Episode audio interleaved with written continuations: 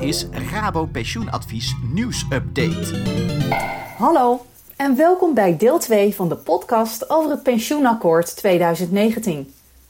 Ook deze podcast is weer mogelijk gemaakt door de pensioenexpert van Rabo Pensioenadvies, John Pijvers. Volgens het kabinet wordt overgestapt op een neutrale en daarmee toekomstbestendige vorm van pensioenopbouw. Een leeftijdsonafhankelijke premie is daarbij het uitgangspunt. De deelnemers in een pensioenregeling krijgen straks een pensioenopbouw die past bij de ingelegde premie. Dit betekent dus dat de doorsneesystematiek wordt afgeschaft. Dit heeft gevolgen voor alle pensioenregelingen, of het nu een salarisdiensttijdregeling is of een beschikbare premieregeling. Zoals het er nu uitziet, kan er straks door de sociale partners gekozen gaan worden uit twee pensioencontracten. Nummer 1. Contract met beperkte risicodeling. Dit betreft persoonlijk pensioenvermogen in de opbouwfase en collectieve risicodeling in de uitkeringsfase. En nummer 2 is een contract met uitgebreide risicodeling, waarbij er ook in de opbouwfase sprake is van risicodeling. Ik zal beide contracten nog iets verder bespreken. Het eerste contract was met beperkte risicodeling. Dit omvat de contracten op basis van de wet verbeterde premieregeling uit 2016.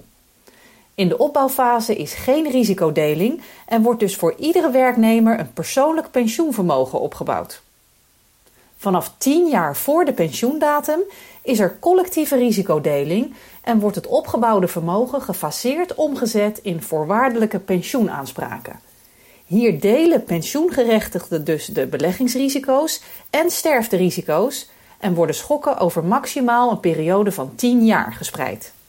Het tweede contract was met uitgebreide risicodeling.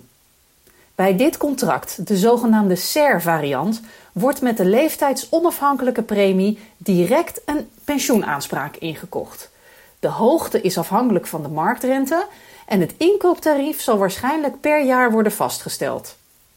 Ontwikkelingen in rendement, rente en levensverwachting hebben gespreid in de tijd invloed op de hoogte van pensioenaanspraken en uitkeringen. De spreidingsperiode is ook 10 jaar. Beleggingsrisico's worden dan direct na de inkoop collectief verdeeld over de actieve werknemers, slapers en gepensioneerden. Er is dus geen nominale zekerheid meer. In de volgende podcast vertel ik meer over de gevolgen voor werkgevers en werknemers. Tot dan!